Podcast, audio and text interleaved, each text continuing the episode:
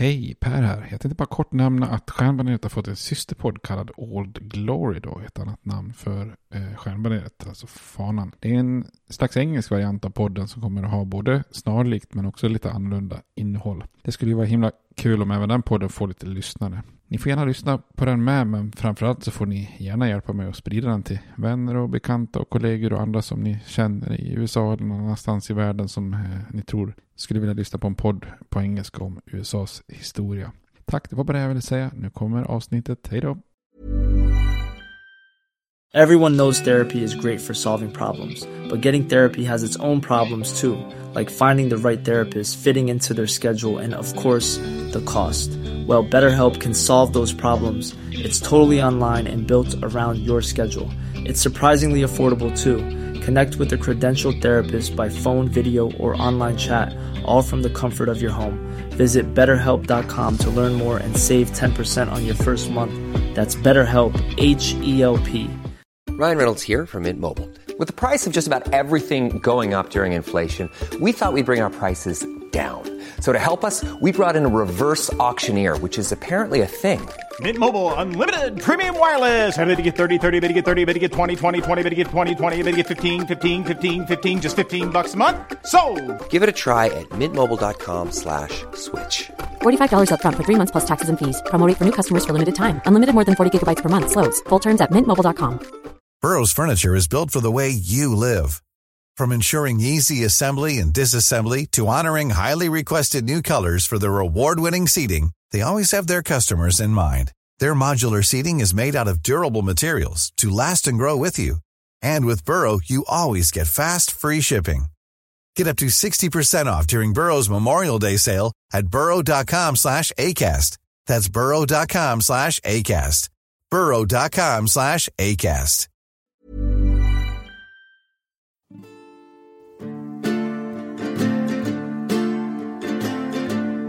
We hold these truths to be self-evident, that all men are created equal, that they are endowed by their Creator with certain unalienable rights, that among these are life, liberty, and the pursuit of happiness.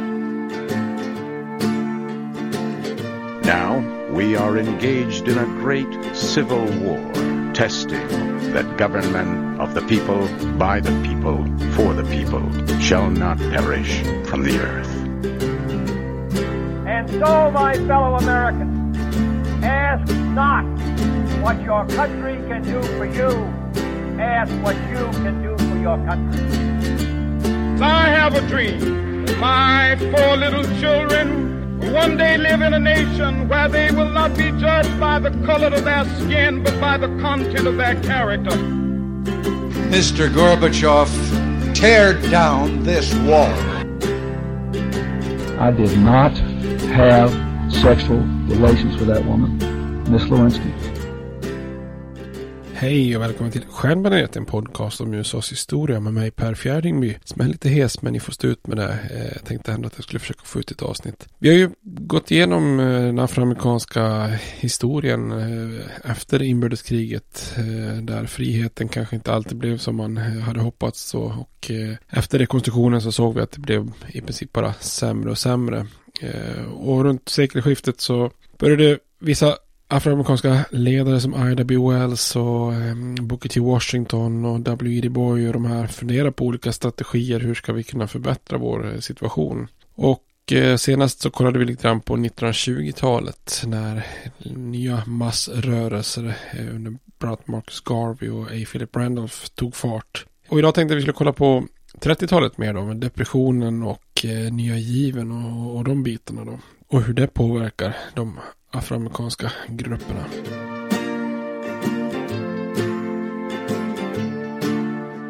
Tittar man på depressionen då så precis som mycket annat elände så drabbar ju det minoritetsgrupperna hårdare än andra då. Och afroamerikaner hade ju många hänsynen inte ens upplevt speciellt mycket av 20-talets positiva sidor till att börja med dem. Och vid tiden för depressionen så bodde ju fortfarande varannan afroamerikan i södern då där de flesta jobbar inom jordbruket med, med så kallad sharecropping. Bomullspriserna hade ju under många år varit på dekis då. Redan 1919 hade priset på ett skålpund bomull legat på 18 cent och eh, 1933 så har det alltså sjunkit till 6 cent. Så att eh, den här stora depressionen för afroamerikaner förvärrar egentligen redan, en redan usel situation. Och när bomullspriserna mer eller mindre kollapsar på det här viset så står ju väldigt många utan inkomst överhuvudtaget då. Eh, extremt många som tvingas lämna sina odlingar. Ända för att man inte ser något annat val då, eller att man sparkas iväg av markägaren eh, som inte längre ser att bomullsodling fungerar som ett ekonomiskt alternativ då. Eh, och många står helt plötsligt då hungriga utan försörjning, bortknuffade från det enda de känner till då. Och då tar man sig ju ofta då till städerna i södern, men i den här segregerade södern så går ju alltid vita arbetare före svarta arbetare. Och när arbetslösheten steg under depressionen så började många vita ta de jobb som, som fanns som, som lite enklare då, som städare, vaktmästare, hushållstjänare och liknande. Och det är ju jobb då som tidigare oftast har gått till afroamerikaner. Och att afroamerikaner står lägst i rang då, det gör ju att eh, hälften av dem är arbetslösa i södern under depressionen då. Ja, du kan ju tänka dig då. Eh, en arbetslöshet på 50 procent är inte dåligt då. Och det här segregerade systemet i södern eh, med ekonomisk och social och politisk diskriminering blir ju, blir ju värre under depressionen då. Eh, konkurrens om otillräckliga resurser skärper ju spänningarna eh, utifrån rasfrågan också. Medlemskapet i Ku Klux Klan går till exempel kraftigt uppåt och antalet lynchningar av afroamerikaner tredubblas under åren 1932 till 33 då. Och i den här ohållbara situationen så är det många afroamerikaner som flyttar norrut då. Som vi tittade på då, som en del av den här stora migrationen då. Eh, men i, i norr då så här, behöver man ju inte alltid hamna i en så mycket bättre situation för afroamerikaner under, under depressionen. För där möts de då egentligen samma situation och diskriminering nästan när det gäller jobbfronten då. Afroamerikaner får gå från jobben först och när desperata vita arbetare börjar konkurrera om de enklare och mindre betalda jobben så innebär det att arbetslösheten och fattigdomen bland afroamerikaner skjuter i höjden då. I norr hade ju också många afroamerikaner dessutom jobbat som kock kockar, nannys och städare med mera, alltså serviceyrken inom den vita medelklassen. Och depressionen slår ju hårt mot den vita medelklassen så de har inte längre råd med de här. Så det här var ju extra besvärande då kanske för afroamerikanska kvinnor som hade haft mycket av de här jobben. Och de, får, de, de få som har råd då får ju anlita afroamerikaner och kvinnor har ju så mycket att välja på då, i utbudet av arbetskraft och så att de bokstavligen står på kö och kunde betala extremt låga löner. Det gör ju att någon i New York till exempel kallar det för the Bronx slave market för att det är så många afroamerikanska kvinnor som står på kö för, för att få jobb då. Så runt hälften av den afroamerikanska arbetskraften är ju stundtals arbetslös i, i stora städer då. Arbetslösheten i städer som till exempel Chicago är 40 procent, i Pittsburgh 48 procent, eh, i New York då 50 procent, Philadelphia 56 procent och i Detroit hela 60 procent. Och det här gör ju att sociologen Kelly Milner skrev skrev om afroamerikaner som the surplus man. Alltså man är helt enkelt till exempel överflödig. Alltså the last to be hired and the first to be fired. Och med en arbetslöshet som kunde då vara runt 60 procent högre i snitt än arbetslösheten för vita så var ju depressionen en väldig katastrof för den afroamerikanska befolkningen. Hälften av alla var beroende av någon form av hjälp då för att överleva 1932 när depressionen kanske var som värst då. 1934 konstaterar federala myndigheter att 17 procent av den vita befolkningen inte kan försörja sig medan motsvarande siffror för afroamerikaner afroamerikaner 38 procent. Och bland afroamerikanska familjer uppstår nästan en slags storhushållstanke eller poolning av resurser mellan familjer för att överleva då så att säga. Och under många år hade ju också afroamerikanska affärsmän försökt att bygga upp egna rörelser då som främst överlevt då på afroamerikanska kunder och allt från affärer och medicinska mottagningar advokatfirmor, banker och försäkringsbolag och liknande. Eftersom deras kunder nu var den fattigaste konsumentgruppen som led mest och så var det ju väldigt många sådana här afroamerikanska rörelser som gick, omkring, gick omkull under depressionen. Då.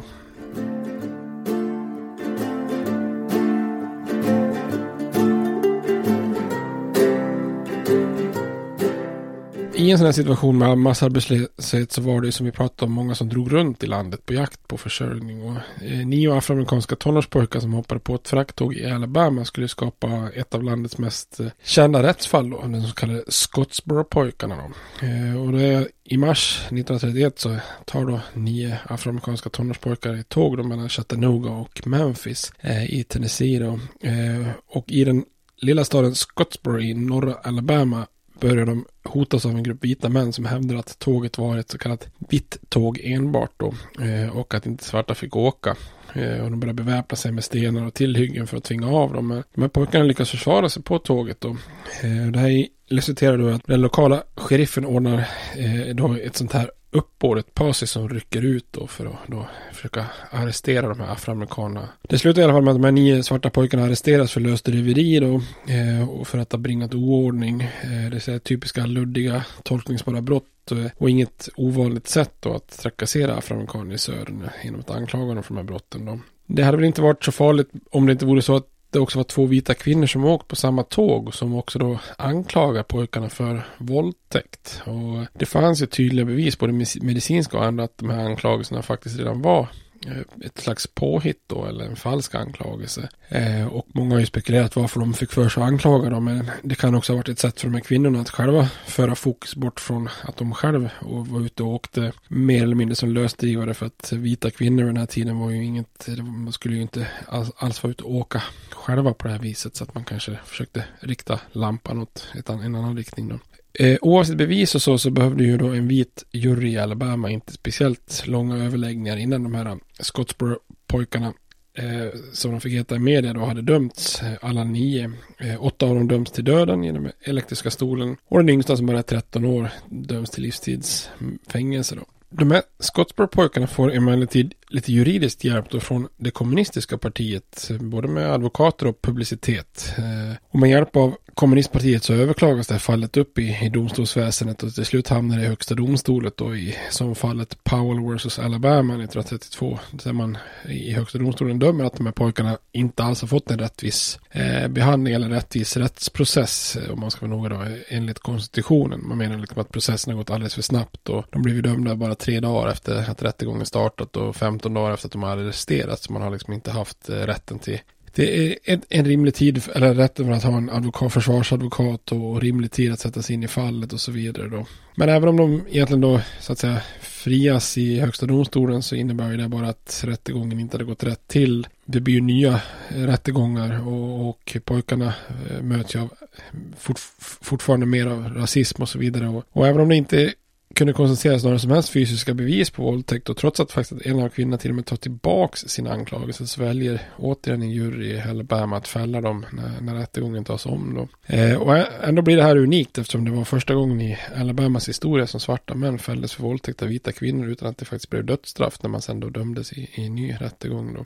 Det här Scottsboro-fallet då eh, som sagt, de fick hjälp av kommunistpartiet. Det här är egentligen startskottet för en maktkamp mellan just kommunistpartiet och den här eh, organisationen då för afroamerikanska rättigheter, NWACP, eh, om då ledarskapet för den afroamerikanska medborgarrättskampen då. Ni kommer ihåg NWACP då är ju National Association for the Advancement of Colored People. Och under 30-talet så gör kommunisterna i USA ett försök att liksom försöka värva afroamerikaner i sin kamp mot arbetslöshet och social rättvisa. Och många afroamerikaner var också väldigt öppna för att stödja kommunistpartiet eftersom de tilltalas av kommunisternas då antirasism och en socialistisk politik för att bekämpa den stora depressionen. Och eftersom övriga partier och facken i USA till exempel inte alls ville ha inkludera afroamerikaner så är det ju på många sätt naturligt att man då faktiskt sökte sig till den organisationen som faktiskt liksom inkluderade afroamerikaner i, i politiken då. Och som ett led då i att söka stöd från afroamerikaner så tar, sig, tar då kommunistpartiet sig an Scottsboro-pojkarna och hjälper dem då. Eh, flera andra viktiga organisationer hade tvekat till en början då. Eh, en av dem var just NWACP som annars då brukar ta sig an juridiska processer och bland ledarna i NWACP var man först ovillig att ta sig an då det här fallet med nio pojkar vilka många hade en liten tveksam bakgrund eh, och gällande då ett sånt brutalt brott som gängvåldtäkt då så att säga. Så det är lite grann i det här vakuumet när ingen annan organisation tar sig an Scottsboro-pojkarna som det kommunistiska partiet eh, kliver in då och man etablerar sig som den vita organisationen som är mest rasmedveten och progressiv under 30-talet. Och fallet med så kallade Scottsboro-pojkarna gav ju kommunistpartiet mycket uppmärksamhet bland afroamerikaner. Man kan säga att de liksom marknadsför, marknadsför sig gentemot afroamerikaner genom att visa att man minsann motsätter sig Söderns rasism och är mer militant och handlingskraftig än andra organisationer då. Eh, partiets eh, så kallade centralkommitté kallar Scottsboro-fallet för legal lynching som organiseras då av the parasite landlords of capitalist classes of the South. Så att eh, man bygger ihop liksom då antirasism och antikapitalism kan man säga i ett, i ett svep där då. Men när NWACP märker att kommunistpartiet vinner mark genom det här Scottsboro-fallet så ångrar man sig då och försöker ta sig an fallet men lyckas inte då. Eh, och det blir lite grann startskottet då i en tävling mellan NWACP och kommunistpartiet om att få afroamerikaners stöd då.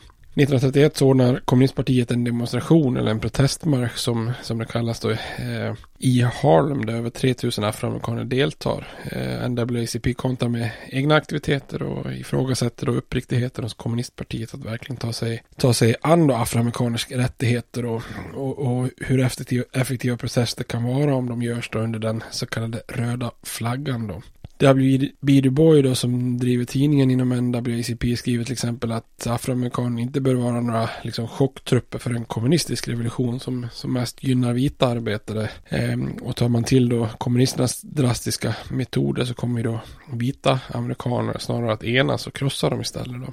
Så inte ens då den vänsteraktivistiska då A. Philip Randolph som vi pratade om i förra avsnittet vill ju gå så långt vänsterut då att han ansluter sig till kommunistpartiet. Han menar att kommunistpartiet egentligen inte brydde sig speciellt mycket om afroamerikaner utan snarare försökte använda dem då för att som han säger då stir up revolutionary activity and sentiment towards the day when government can be overthrown. Då. Så kritik mot kommunisterna ledde till att relativt få afroamerikaner i slutändan gick med i det kommunistiska partiet. Eh, av runt eh, 100 000 medlemmar så var kanske bara runt 7 000 svarta då. Den, den kanske mest kända är ju sångaren och skådespelaren Paul Robeson som vi kommer att komma tillbaka till senare. Då.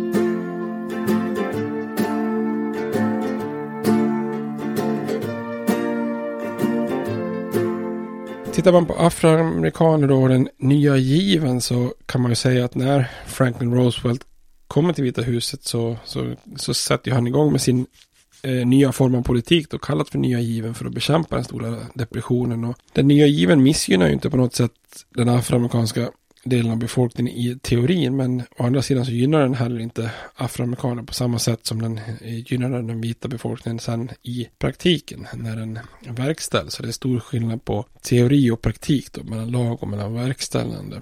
Eh, flera personer runt presidenten, bland annat hans fru Eleanor Roosevelt och inrikesminister Harold Dix och Harry Hopkins och många som var runt Roosevelt och ledde många av de nya given-programmen såg ju till att man inte liksom exkluderade afroamerikaner i, i regelverken när de utformas. Eh, men ute på fältet så är det ju myndighetsrepresentanter som som då eh, var villiga eller upplevde sig tvingade att diskriminera afroamerikaner som, som verkställde det här. Då. Och det kunde ta sig uttryck i att till exempel arbetsläger separerades då i vita och svarta läger, läger och ersättningen för offentliga jobbinsatser var som i regel lägre för afroamerikaner än andra arbetare trots att man egentligen utförde samma arbete. Och när arbeten fördelas ut bland arbetslösa fick afroamerikaner de enklaste och minst betalda jobben. Och när pengar för de här olika programmen börjar sina så blir oftast afroamerikaner tagna ur systemen först och vita sist då. Har den ekonomiska hjälpen som nya given står för då Eh, förstärker ju därmed de rådande mönstren av rasdiskriminering helt enkelt. Eh, det här programmet AAA, Agriculture Adjustment Aid, som var till för att hjälpa jordbruket, hjälpte ju många afroamerikaner i södern och framförallt eh, de som jobbar, jobbar inom jordbruket som sharecroppers. Men alla de här miljarder dollar som pumpas in i jordbruket hjälpte till så pass att flyttströmmen av afroamerikanska jordbrukare i alla fall bromsas upp lite grann. Eh, så inte allt för många flyttar norrut. Men korruption och orättvis fördelning gjorde att väldigt många vita markägare gynnas betydligt mer än just de fattiga sharecroppers då. Den industriella hjälp som NRA skulle bidra då med National Recovery Administration eh, gjorde sina andade arbetsgivare och fack kraftigt då missgynnade afroamerikaner. Och den här viljan att att främst då hjälpa vita arbetare gjorde att afroamerikaner började skämta om NRA och menade att det stod för Negro Robbed Again eller Negro Ruined Again eh, på grund av det uteblivna stödet då. Eller till och med med referens till den Indian Removal Act och när ursprungsamerikaner fördrevs så kallar man det för Negro Removal Act eftersom de oftast då fick sparkas och ge plats åt vita då. Så den nya given var ju inte tänkt att missgynna afroamerikaner men gjorde det ändå i praktiken och verkställandet då.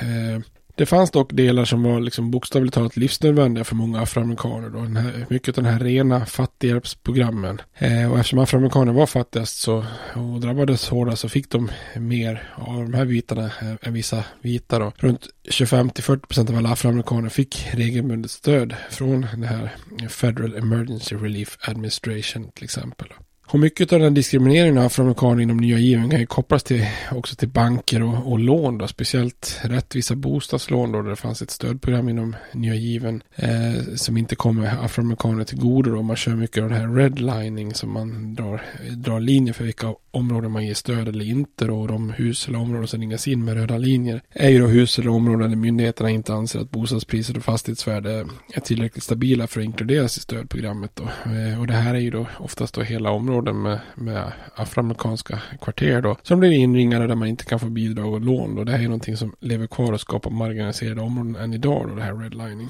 Problemet på kort sikt var ju att nya given i praktiken var skevt och gynnade vita mer än afroamerikaner. Men problemet på lång sikt är ju att hela nya given med Roosevelt i spetsen egentligen vägrar att ta tag i rasfrågan och frågan om att minska segregationen. Det fanns liksom inte på nya givens eh, agenda då. Så nya given är ju med ett modernt språk ibland beskrivet som affirmative action for whites. Alltså de flesta delar av det här ekonomiska stödet och socialförsäkringen täcker helt enkelt in, inte in afroamerikaner. Och den, eller de delar av ekonomin som de flesta svarta jobbar då. Det är exempel hushållstjänster, jordbruk och så vidare. Och det som täcker, det som täcker in afroamerikaner i teorin gör det dessvärre inte i praktiken. Eh, så den federala staten blir väldigt mycket de vitas stöd och även om man 1935 uppskattade att runt 30 procent av afroamerikaner fått någon form av stöd från nya givens program så fick ju många afroamerikaner snarare sätta sig topp till stöd från delstater snarare än den federala nya given då trots den här ljumma hjälpen då och den rasism som finns inom nya given så gav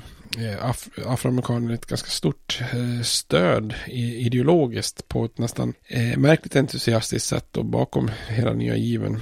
bara det att Roosevelt låter staten jobba för fattiga gör att många svarta ändå ideologiskt börjar stödja nya given. Presidenten själv var ju oerhört försiktig i rasfrågan och vågar ju aldrig riskera att tappa stödet från det här solida demokratiska blocket i söder med, med mäktiga kongressledamöter. Eh, I södern ansåg ju de här mäktiga demokraterna att all form av inblandning från utsidan så att säga i söderns segregerade system var förkastligt och Roosevelt ställde sig därför inte bakom då förslag som att göra lynchningar till ett federalt brott eller att förbjuda sådana så kallade poll tax, alltså röstningsskatter som, som var ett av Söderns viktigaste verktyg för att förhindra afroamerikaner att rösta.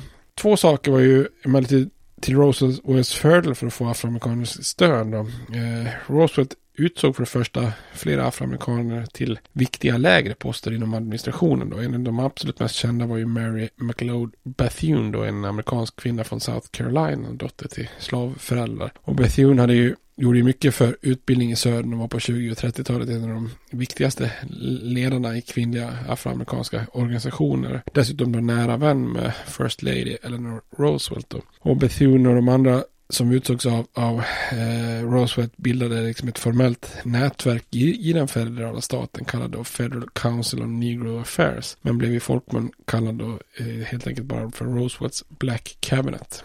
Den kanske viktigaste orsaken till afroamerikaners stöd av, av presidenten är ju hans fru då, First Lady, eh, Eleanor Roosevelt. Hon pratar ju öppet om och kampanjade för rasjämlikhet och afroamerikaners rättigheter. Hon satte konstant tryck på sin man och hans ministrar för att minska segregeringen och förtrycket utifrån ras och hon stödjer öppet både NWACP då till exempel och, och andra afroamerikanska organisationer. Eleanor är också en rad symboliska handlingar som tidigare varit fullständigt otänkbara för en First Lady. Då hon arrangerar möten i Vita huset för svarta ledare. Och kom ihåg då, det här är ju inte jättelångt efter att hennes eh, farbror Teddy Roosevelt då, eh, ångrar att han ens liksom bjöd in då Booker T. Washington till Vita huset eftersom det väckte sån avsky i södern. Eh, men Eleanor hon trotsar eh, detta och trotsa Jim Crow-lagar till exempel under ett besök i Alabama genom att lite så här trotsigt sätta sig på sektionen för enbart färgade när man åker runt på, på olika ställen då och eh, låter sig bland annat också fotograferas med afroamerikaner. Något som aldrig tidigare liksom har hänt bland eh, presidenter och presidenthustrur. En oerhört symbolisk händelse det är som där Eleanor gör stort avtryck är ju den så kallade Marion Anderson-affären. Eh, Marion Anderson var ju en känd afroamerikansk operasångerska och 1939 så vägrar organisationen Daughters of the American Revolution att låta henne då uppträda i en konserthall i Washington DC.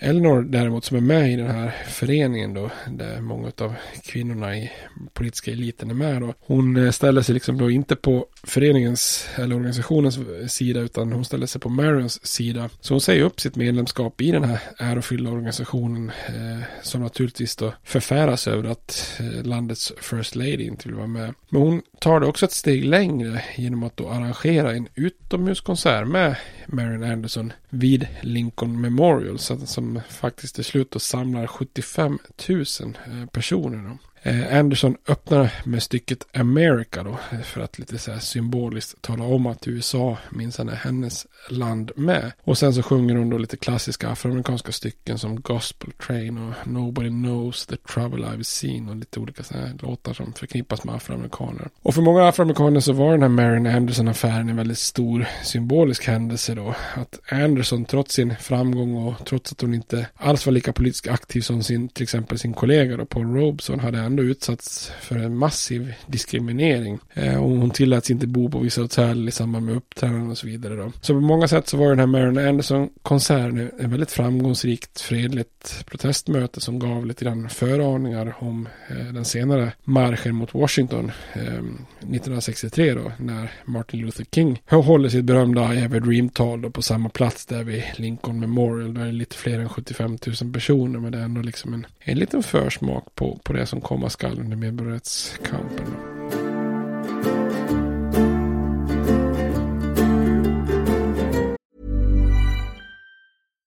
Here's a cool fact. A crocodile can't stick out its tongue.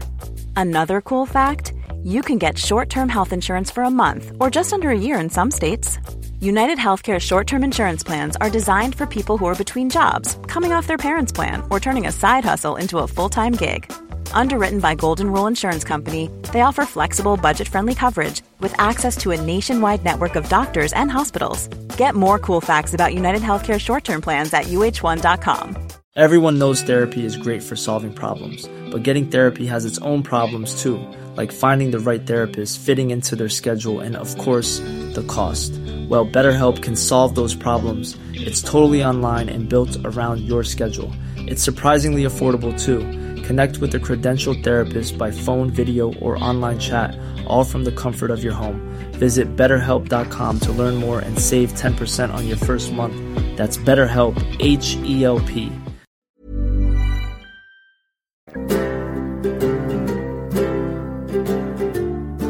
Afroamerikaners stöd för Roosevelt och nya given skulle också få stor politisk påverkan på afroamerikaners röstande och partilojalitet. Man kan säga att fram till valet 1932 så röstade de flesta afroamerikaner på det republikanska partiet. Eh, det var ju den första republikanska presidenten Abraham Lincoln och republikanerna som vunnit inbördeskriget och drivit igenom slaveriets avskaffande. Och det var ju de här radikala republikanerna som hade stått bakom väldigt mycket av medborgarrättskampen under rekonstruktionen då. Eh, den ideologiska. Och det här hade gjort att afroamerikanska väljare var ju extremt lojala till republikanerna då. Och de afroamerikaner som kunde rösta röstade ju naturligtvis inte på Demokraterna som ju var förknippat med det partiet som återtog makten i södern och förtryckte och lynchade och vägrade låta sina eh, låta, låta afroamerikaner i södern rösta överhuvudtaget då, eller ens ha några som helst rättigheter. Redan på 20-talet när republikanerna hindrade vissa antilynchningslagar så hade ju NAACP och, och organisationens ledare James Johnson börjat varna republikanerna att inte ta stödet från afroamerikaner som givet om man fortsatte liksom att ducka segregering och diskriminering. Men nya given förändrade det här. Eh, för trots att den missgynnar afroamerikaner på många sätt och, och så, så bidrog ändå den agenda som Roosevelt satt och alla de här symboliska handlingarna som till exempel presidentfrun gjorde att skifta lojaliteten. Eh, och det får följder, sakta men säkert så hade Demokraternas konservativa bas i södern börjat kompletteras med liberala jordbrukare i västern och industriarbetare i norr då. Och den andra demokratiska vingen av partiet väcktes allt starkare och eh, afroamerikanernas stöd skulle, eh, skulle öka på det här ytterligare då. Tusentals afroamerikaner hade ju migrerat till de stora städerna norr under den stora migrationen och genom att bo koncentrerade i vissa områden så ökar den här lokala makten att påverka ytterligare. Ett eh, första tecken på, på det är ju när den afroamerikanska väljarna i, i Chicago 1934 lyckas få demokraten Arthur Mitchell invald i kongressens representanthus och han blir ju då den första afroamerikanska demokraten eh, någonsin att sitta i kongressen då.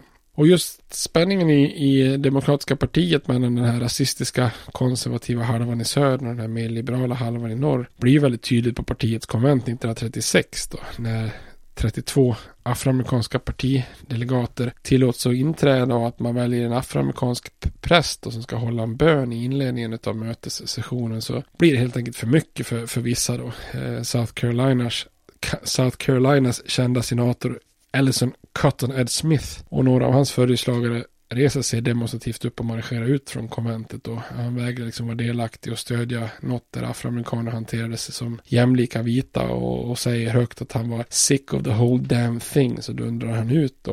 Eh, och den här afroamerikanska prästen låter sig inte nedslås utan konstaterar lite kyligt bara att brother Smith needs more prayer. Men det här gör ju också att det här valet blir unikt då 36, 1936. Ehm, för då går afroamerikanerna över till demokraterna. Eh, 70 procent av de svarta hade röstat på Hoover 1932 då, medan 1936 så röstade 76 procent av de afroamerikanska väljarna på demokraterna och Roosevelt då. Så afroamerikaners parti lojalitet svänger nästan helt mellan de här två valen. Eller som, som då en, en skribent skriver Go turn Lincolns picture to the wall. That debt has been paid in full. Så uh, nu lämnar man partiet som Lincoln eh, var med i för, för länge sedan då och eh, lojaliteten som har då hängt med så länge har helt, eh, skiftat då helt enkelt. Och blir också istället då en väldigt stark lojalitet med Demokraterna. Nya given lämnar ju på det viset ett arv efter sig som bidrar med en slags bas för medborgarrättsrörelsen. Inte bara afroamerikansk omsvängning i partilojalitet och nya givens politik och lagstiftning lägger också till grunden, eh, eller så, liksom de frö som många eh, på, av de kommande, kommande civilrättsliga lagarna bygger på också. Så att säga.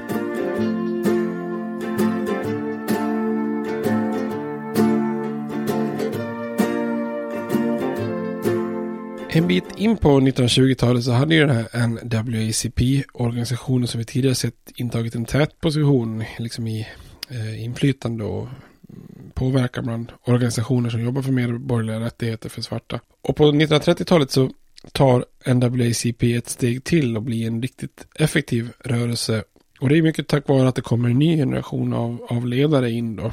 Eh, en av dem är Walter White som var eh, tämligen då lite eh, ironiskt passande utifrån namnet då. Eh, nästan vit till utseendet och hade lättare än många andra att röra, röra sig fritt och undersöka förhållanden och incidenter då. Eh, White var ju en riktig kraftkälla då, som personligen utredde över 42 eh, olika fall av lynchningar. Och en annan pådrivare är ju Whites nära assistent då, Roy Wilkins som vi kommer att eh, prata mer om framöver som också blir en väldigt central figur hela vägen in mot medborgarrättsrörelsen då. Under Whites ledarskap så distanseras NWACP från det kommunistiska partiet och dessutom så lägger man förnyad fokus och energi i sin kamp för medborgerliga rättigheter inom rättsväsendet. Eh, genom olika rättsfall så börjar man sätta press på staten att skydda afroamerikanska rättigheter och minska diskrimineringen. Redan på 20-30-talet lägger NWACP grunden för det juridiska jobbet som gör att man kommer att då börja vinna mängder av banbrytande rättsfall sen under 40 och 50-talen som då sen, som vi kommer att komma fram till då kröns med den här domen i det kända fallet Brown vs. Board of Education då som blir lite grann kronjuvelen då.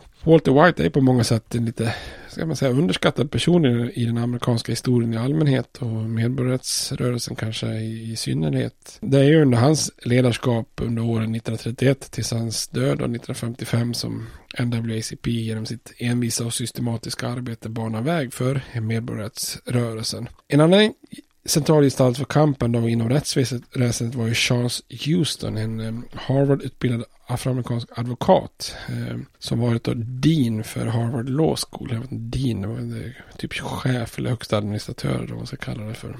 Eh, Houston han startar ett antal rättsfall och, och använder dem både för att försöka tvinga delstater och federala staten att leva upp till konstitutionen men också för att då inspirera afroamerikanska samhället att gå samman och organisera sig och göra sina röster hörda då.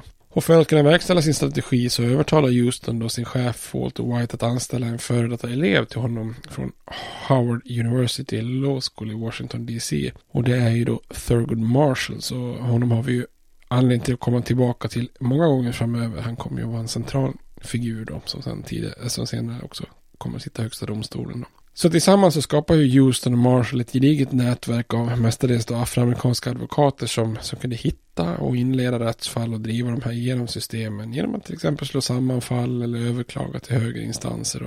Några av NAACPs första rättsfall och framgångar kom inom det politiska området då. Ehm, att försöka påverka demokraterna i södern var ju svårt med all rasdiskriminering då. 1920 var ju afroamerikaner i princip uteslutna från allt som hade med det demokratiska partiet i, i Söderns delstater. Och man kunde inte vara partimedlem eller inte rösta i primärvalen. Eh, och man betecknar oftast då helt enkelt primärvalen för white primaries. Eh, alltså, eh, det fanns liksom inga svarta som röstade i de här primärvalen. Och eftersom då republikanska partiet i princip hade upphört att existera i södern. Södern var ju som en enpartistat med bara demokraterna. Så det gör ju också att politiska val eh, ju faktiskt avgörs just i demokraternas då vita primärval eftersom det formella valet sen bara är en formsak då. Så det gör ju att afroamerikaner har inga som helst inflytande i politiken då och, det demokratiska partiet då. På 1920-talet så inledde NAACP en kamp mot vita primärval som skulle bli en egentligen över 20 år lång utdragen och tidskrävande kamp innan man hade framgång. Då. Samtidigt skulle det här engagera väldigt många lokala filialer och mobilisera då den stora kampen. Då. Första framgången kom i, i, Texas. Eh, I Texas var det helt otänkbart att svarta skulle kunna rösta i demokratiska primärval. NAACP menar att afroamerikansk uteslutning i primärvalen då var emot konstitutionen. Och när fallet Nixon vs. Herndon eh, nådde högsta domstolen 1927 så vann man en seger då domstolen menade att de vita, primär, de vita primärvalen var odemokratiska. Då. Och det här var ju den första i en lång serie under kommande 20 år som skulle öppna upp då primärvalen för af afroamerikanska väljare. Eh, Charles Houston och Thurgood Marshall drev åtskilliga fall. Eh, och till slut då 1944 så skulle högsta domstolen då i fallet Smith vs. Allwright slå ner då primära eh, vita primärval på nationell nivå. Och det här var ju då kanske NAACPs största seger dittills då. Eh, men eh, det här var ju det första området man var framgångsrik på och sen kommer ju då Eh, framgångar inom skolvärlden, men det kommer vi fram till eh, senare då. Walter Whites ledarskap var emellertid inte populärt hos alla i den tidigare generationen som grundat NAACP. Eh, under 30-talet så uppstår en maktkamp om ledarskapet och ideologin i organisationen. Då. För det första så är det ju så att W.E. Du Bois och White hamnar i konflikt med varandra och det börjar med att White anställer den här utbildade journalisten Roy Wilkins för att få mer kontroll över NWACPs tidning The Crisis som dittills varit liksom, ja men mer eller mindre helt styrt av, av Du Bois då eh, personligen samtidigt som finansieringen av tidningen dras ner då i samband med depressionen och eh, det här eh, innebär då att man, eh, organisationens ledning då med Walter White i spetsen tar konflikt, en konflikt med Dubois. Och de kan liksom inte ha en tidning som publicerar artiklar som organisationen inte står för bara utifrån Dubois tycken. Och, och Dubois, som inte direkt är den som backar från konflikter slog tillbaka och kritiserar Walter White en massa då. Ehm, bland annat sjunker han så lågt så han, han har det slagordet Walter White is white. Lite, lite lågt, eh, eh lite kanske sandlådenivå då. White och de övriga ledarna tappar ju till slut tålamodet med Dubois och de tar helt enkelt styret av tidningen The Crisis ifrån honom med motiveringen att det är organisationens tidning och inte Dubois egen. Och att syftet med tidningen hade kan vara att underminera själva rörelsen då. Så att Roy Wilkins tar helt enkelt över som ansvarig för The Crisis. Och efter att ha personifierat tidningen i 25 år så är, så är det oacceptabelt för Dubois då. Så han går ur NAACP 1934 och tar ett jobb på Atlantas eh, universitet istället då. Så han bryr utbyte helt enkelt med organisationen han var med och, och utformade och skapade en gång i tiden. Då. Men han kommer sen senare att komma tillbaks till organisationen. Då. På 1930-talet gör också NWACP ett rejält försök att lobba igenom en federal antilynchningslagstiftning då. Eh, och även om antalet lynchningar hade minskat avsevärt jämfört med det här blodiga 1890-talet så var det ändå en väldigt speciellt inhuman sak då. Antalet, antalet var fortfarande besvärande högt för att vara liksom då en demokratisk eh, rättsstat. Tidigare försök att få igenom federala lagar hade ju misslyckats men i början av 30-talet var tiden liksom lite mer mogen att eh, få stöd från vita progressiva organisationer som också fördömde lynchning och ställde sig på NAACPs sida. Så då gör man helt enkelt ett nytt förslag då, eller ett nytt försök då. Och de två demokratiska senatorerna Edward Costigan från Colorado och Robert Wagner från Eh, New York då, eh, även känd från det här eh, vad ska man säga, eh, arbetsrättsliga eh, lagstiftningen Wagner Act eh, är ju han känd för Robert Wagner kanske framförallt då, men de två Eh, Costigan och Wagner sponsrar och introducerar en antilynchningslagstiftning i kongressen då. Och det här förslaget enligt den här Costigan Wagner bill gick ut på att alla poliser som inte fullgjorde Eh, sitt ansvar att stoppa en lynchning när, det, när de inträffar skulle kunna straffas då. Eh, om lokala myndigheter inte straffade de som lynchade så skulle enligt det här lagförslaget federala åklagare kunna ta sig an fallen då. Det vill säga om lokala eh, jurygrupper eh, helt enkelt bara friade uppenbarligen skyldiga så borde man kunna göra det till ett federalt brott då.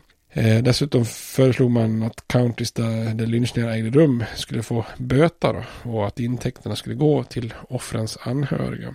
Eh, Walter White Eh, och N.W.ACP är ju hoppfulla då att den här lagstiftningen ska gå igenom och det verkar finnas liksom en majoritet för förslaget i kongressen. Men det är ju en viktig spelare vars stöd man aldrig får och det är president Roosevelt då. Han vågar helt enkelt inte gå emot de mäktiga senatorerna från södern med risk för att hans nya givåtgärder kanske inte skulle få deras stöd då. Så han tappar hellre afroamerikanska väljare i norr och utstår kritik från liberala organisationer. Enligt hans sätt att se, se det så var det viktigare att rädda hela amerikanska ekonomin eh, än att bekämpa lynchningar. Han säger så här. If I come out for anti lynchning bill now, they will block every bill I ask Congress to pass to keep America from collapsing. Eh, så att han försöker liksom sätta nya given först eh, och antilynchning sen då. Eh, och Demokraterna i södern är ju dessutom beredda att göra lite allt för att förhindra förslaget. Och, eh, och med senatorn Cotton Ed Smith då från South Carolina så ser de till att förslaget inte lämnar det juridiska kongressutskottet då, och ens kommer till senaten för omröstning då. 1934 inträffar emellertid efter detta då en uppmärksammad lynchning då. Det är en vit kvinna som hittas mördad i Florida och polisen arresterar snabbt en svart man vid namn Claude Neal. Och för att hindra då en lynchning så förflyttar myndigheterna Neil över 30 mil bort till en arrest i närliggande Alabama. Men en vit mobb på flera hundra personer reser eh, dit eh, helt enkelt och tar med sig Neil tillbaka till Florida. Eh, och det som gör den här lynchningen anmärkningsvärd är att man liksom annonserar i tidningar och radio att den ska äga rum då mellan klockan 8 och 12 den 27 oktober 1934. Då. Och trots det här så vägrar guvernören att skicka dit trupper för att hindra lynchningen då. Och den här liksom marknadsföringen om man ska kalla det för det gör ju den här lynchningen till ett slags sjukt eh, evenemang då. Och återigen då nu eh, är man känslig kanske man ska hoppa fram en 20-30 sekunder då. För det är så att tusentals dyker upp för att se då hur Neil blir både kastrerad, eh, upprepat knivhuggen, han blir bränd med ett glödgande järn, han blir lemlästad och till slut så, så blir han då sprayad med, med kulor från pistoler. Kroppen släpas sen till gården där den mördade kvinnan bott för att lemlästas ännu mer då. Eh, och, och liket, både vuxna och barn går loss och folk tar kort som de sen säljer för 50 cent styck och ett antal av Nils fingrar och tår eh, skärs av och säljs som souvenirer då. Så att det är ju så här det här lynchvåldet kan ta sig uttryck eh, då. Och inte förrän eh, den vita mobben börjar ge sig på andra afroamerikaner i området väljer guvernören då att kalla in nationalgardet för att stoppa det hela då. Eh, den här fruktansvärda mordet då, eller lynchningen, väcker ju liv i frågan om antilynchningslagstiftning igen då. Eh, både kongressen och Vita huset får ta emot tusentals upprörda brev och eh, senatens juridiska kommitté tvingas till slut ta upp det här Costigan-Wagner lagförslaget till eh, omröstning då. Men återigen så stoppas man av Söderns demokrater i, i senaten då som tillsammans startar en sju veckor lång så kallad filibuster, alltså en sån där man eh, pratar tills eh, sessionen tar slut då helt enkelt. Och stoppar det hela från att gå till omröstning då. Och vid det här laget var ju många demokrater i södern frustrerade över Roosevelts nya giv och tyckte att han har då förvandlat partiet lite väl mycket i riktning mot nordstaterna och städer och liberala tankar då. Så de var ju besvikna på Roosevelts försök till exempel till court packing, alltså det här som vi pratat om tidigare i översiktsserien, att man försöker utöka antalet liberala domare i högsta domstolen 1937 då. De är helt enkelt oroade över riktningen på hela nya given och om man gick för långt så riskerar man ju, som de såg det då, att påverka den vita makten och rasordningen i södern då. Så på sätt och vis kan man ändå trots allt säga att båda sidor till slut blir både vinnare och förlorare. förlorare. Gällande själva antilynchningslagen eh, och den bataljen så vann ju Södern då. För det, man antar inte någon federal lag då. Men NAACPs kampanj mot lynchningar blev ändå långsiktigt en framgång. Eh, man lyckas liksom via eh, starkare band om mellan afroamerikanska medborgarrättskampen och vita liberala kretsar få, få liksom då en större nationell uppmärksamhet för lynchningar som där man börjar ta det här på allvar för första gången då. och det här gör att folk påverkas och en under undersökning visar då att opinionen börjar vända även i södern då. 1937 så ställde sig 65 procent av de tillfrågade i en undersökning sig bakom då lagstiftning som hade gjort lynchning till federalt brott. Eh, och på mitten av 30-talet går också antalet lynchningar ner i antal. Eh, då inte tack vare lagar och rättssystem utan mer allmänt motstånd då. Så under hela 1930-talet rapporteras bara 88 fall, eller bara 88 fall av lynchningar. Det är ju såklart hemskt men jämför man med 1890-talet så är det ju ändå trots allt ganska låga siffrorna.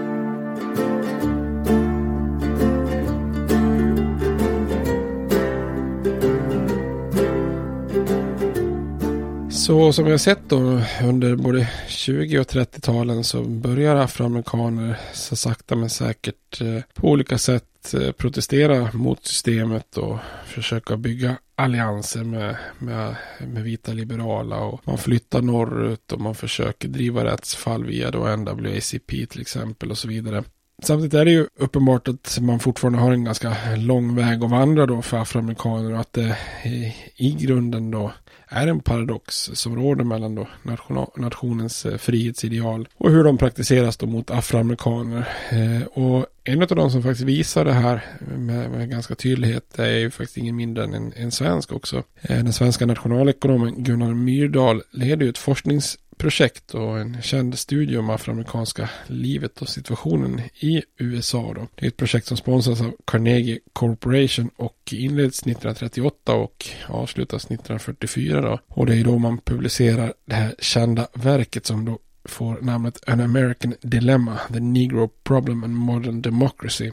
Och i den här studien så menar ju Myrdal då att USA har ett moraliskt eh, dilemma då. De amerikanska liberala idealen om frihet, jämlikhet och rättvisa inför lagen som man hittar i till exempel självständighetsförklaringen och konstitutionen står i väldigt stor kontrast då till den rasistiska praktiken och diskrimineringen av afroamerikaner i USA då. Och det är ju en extremt lång studie och rapporten är ju 1500 sidor eh, och visar ju då med pinsam tydlighet hur afroamerikaner hindras i praktiken från att fullt ut då delta i det amerikanska samhället och, och i demokratin då. Och Myrdal pekar då på det här cirkelresonemanget som många amerikaner ägnade sig åt. Och först förtrycktes då och diskrimineras afroamerikaner. Sen så pekar vita då på deras dåliga situation och status för att just rättfärdiga segregeringen och eh, rasismen då så att säga. Så att det blir liksom som ett cirkelresonemang då kan man säga. Och det amerikanska dilemmat som titeln syftar på var ju då den här samexistensen, samexistensen av då de amerikanska liberala idealen och de svartas då fruktansvärda situation med rasism. Myrdal menar ju då att landets så kallade negro problem egentligen var ett white man's problem då för den vita befolkningen agerade ju. Eh, det var ju vita befolkningens agerande som var orsaken till det tillstånd som den svarta minoriteten befann sig i då. Eh, centralt i Myrdals studio var det han kallar för The American Creed, själva DNA till amerikansk liberalism då, individuell frihet och civila rättigheter och en jämlik möjlighet för att alla ska lyckas och bli lyckliga då. Enligt Myrdal så var den här American Creed det som höll ihop den amerikanska smältdegen av olika folkslag och gjorde att man kunde samexistera dem. Och Myrdals studie var ju trots den negativa redogörelsen för svarta situation runt 1940 ändå liksom positiv över landets rasrelationer inför framtiden och spådde då att demokratin skulle segra över rasismen, att man skulle lösa det här the American dilemma då. Och eftersom Myrdal var svensk, alltså någon utifrån USA som så så, så många den här studien som objektiv då. Eh, så många tog del av den eh, och lät sig påverkas av den. Över 100 000 kopior såldes på snabb tid. Och studien hade stor inverkan allmänt på hur rasism uppfattades och hur den underminerade utvecklingen för afroamerikaners situation. Så det blir ju verkligen också ett arbete som sätter grunden för medborgarrättsrörelsen. Och mm, när man börjar se hur medborgarrättsrörelsen tar fram och ökar så är vi då framme vid, vid eh, andra världskriget och tiden efter om man kallar kriget. Men det tar vi i nästa avsnitt. Tills dess så får ni ha det bra. Sköt om er. Hej då. States like these and their terrorist allies constitute an axis of evil. And if the hippies and the yippies and the disruptors of the systems that Washington and Lincoln as presidents brought forth in this country will shut up and work within our free system of government, I will lower my voice. If the impeachment provision in the Constitution of the United States will not reach the offenses charged here, then perhaps that 18th century Constitution should be abandoned to a 20th century paper shredder. Therefore, I shall resign the presidency effective at noon tomorrow.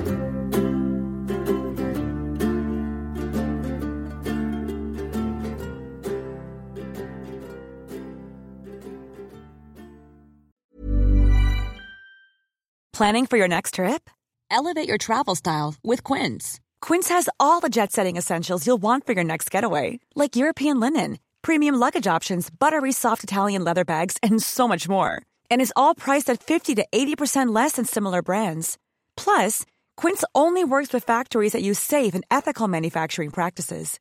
Pack your bags with high-quality essentials you'll be wearing for vacations to come with Quince. Go to quince.com slash pack for free shipping and 365-day returns.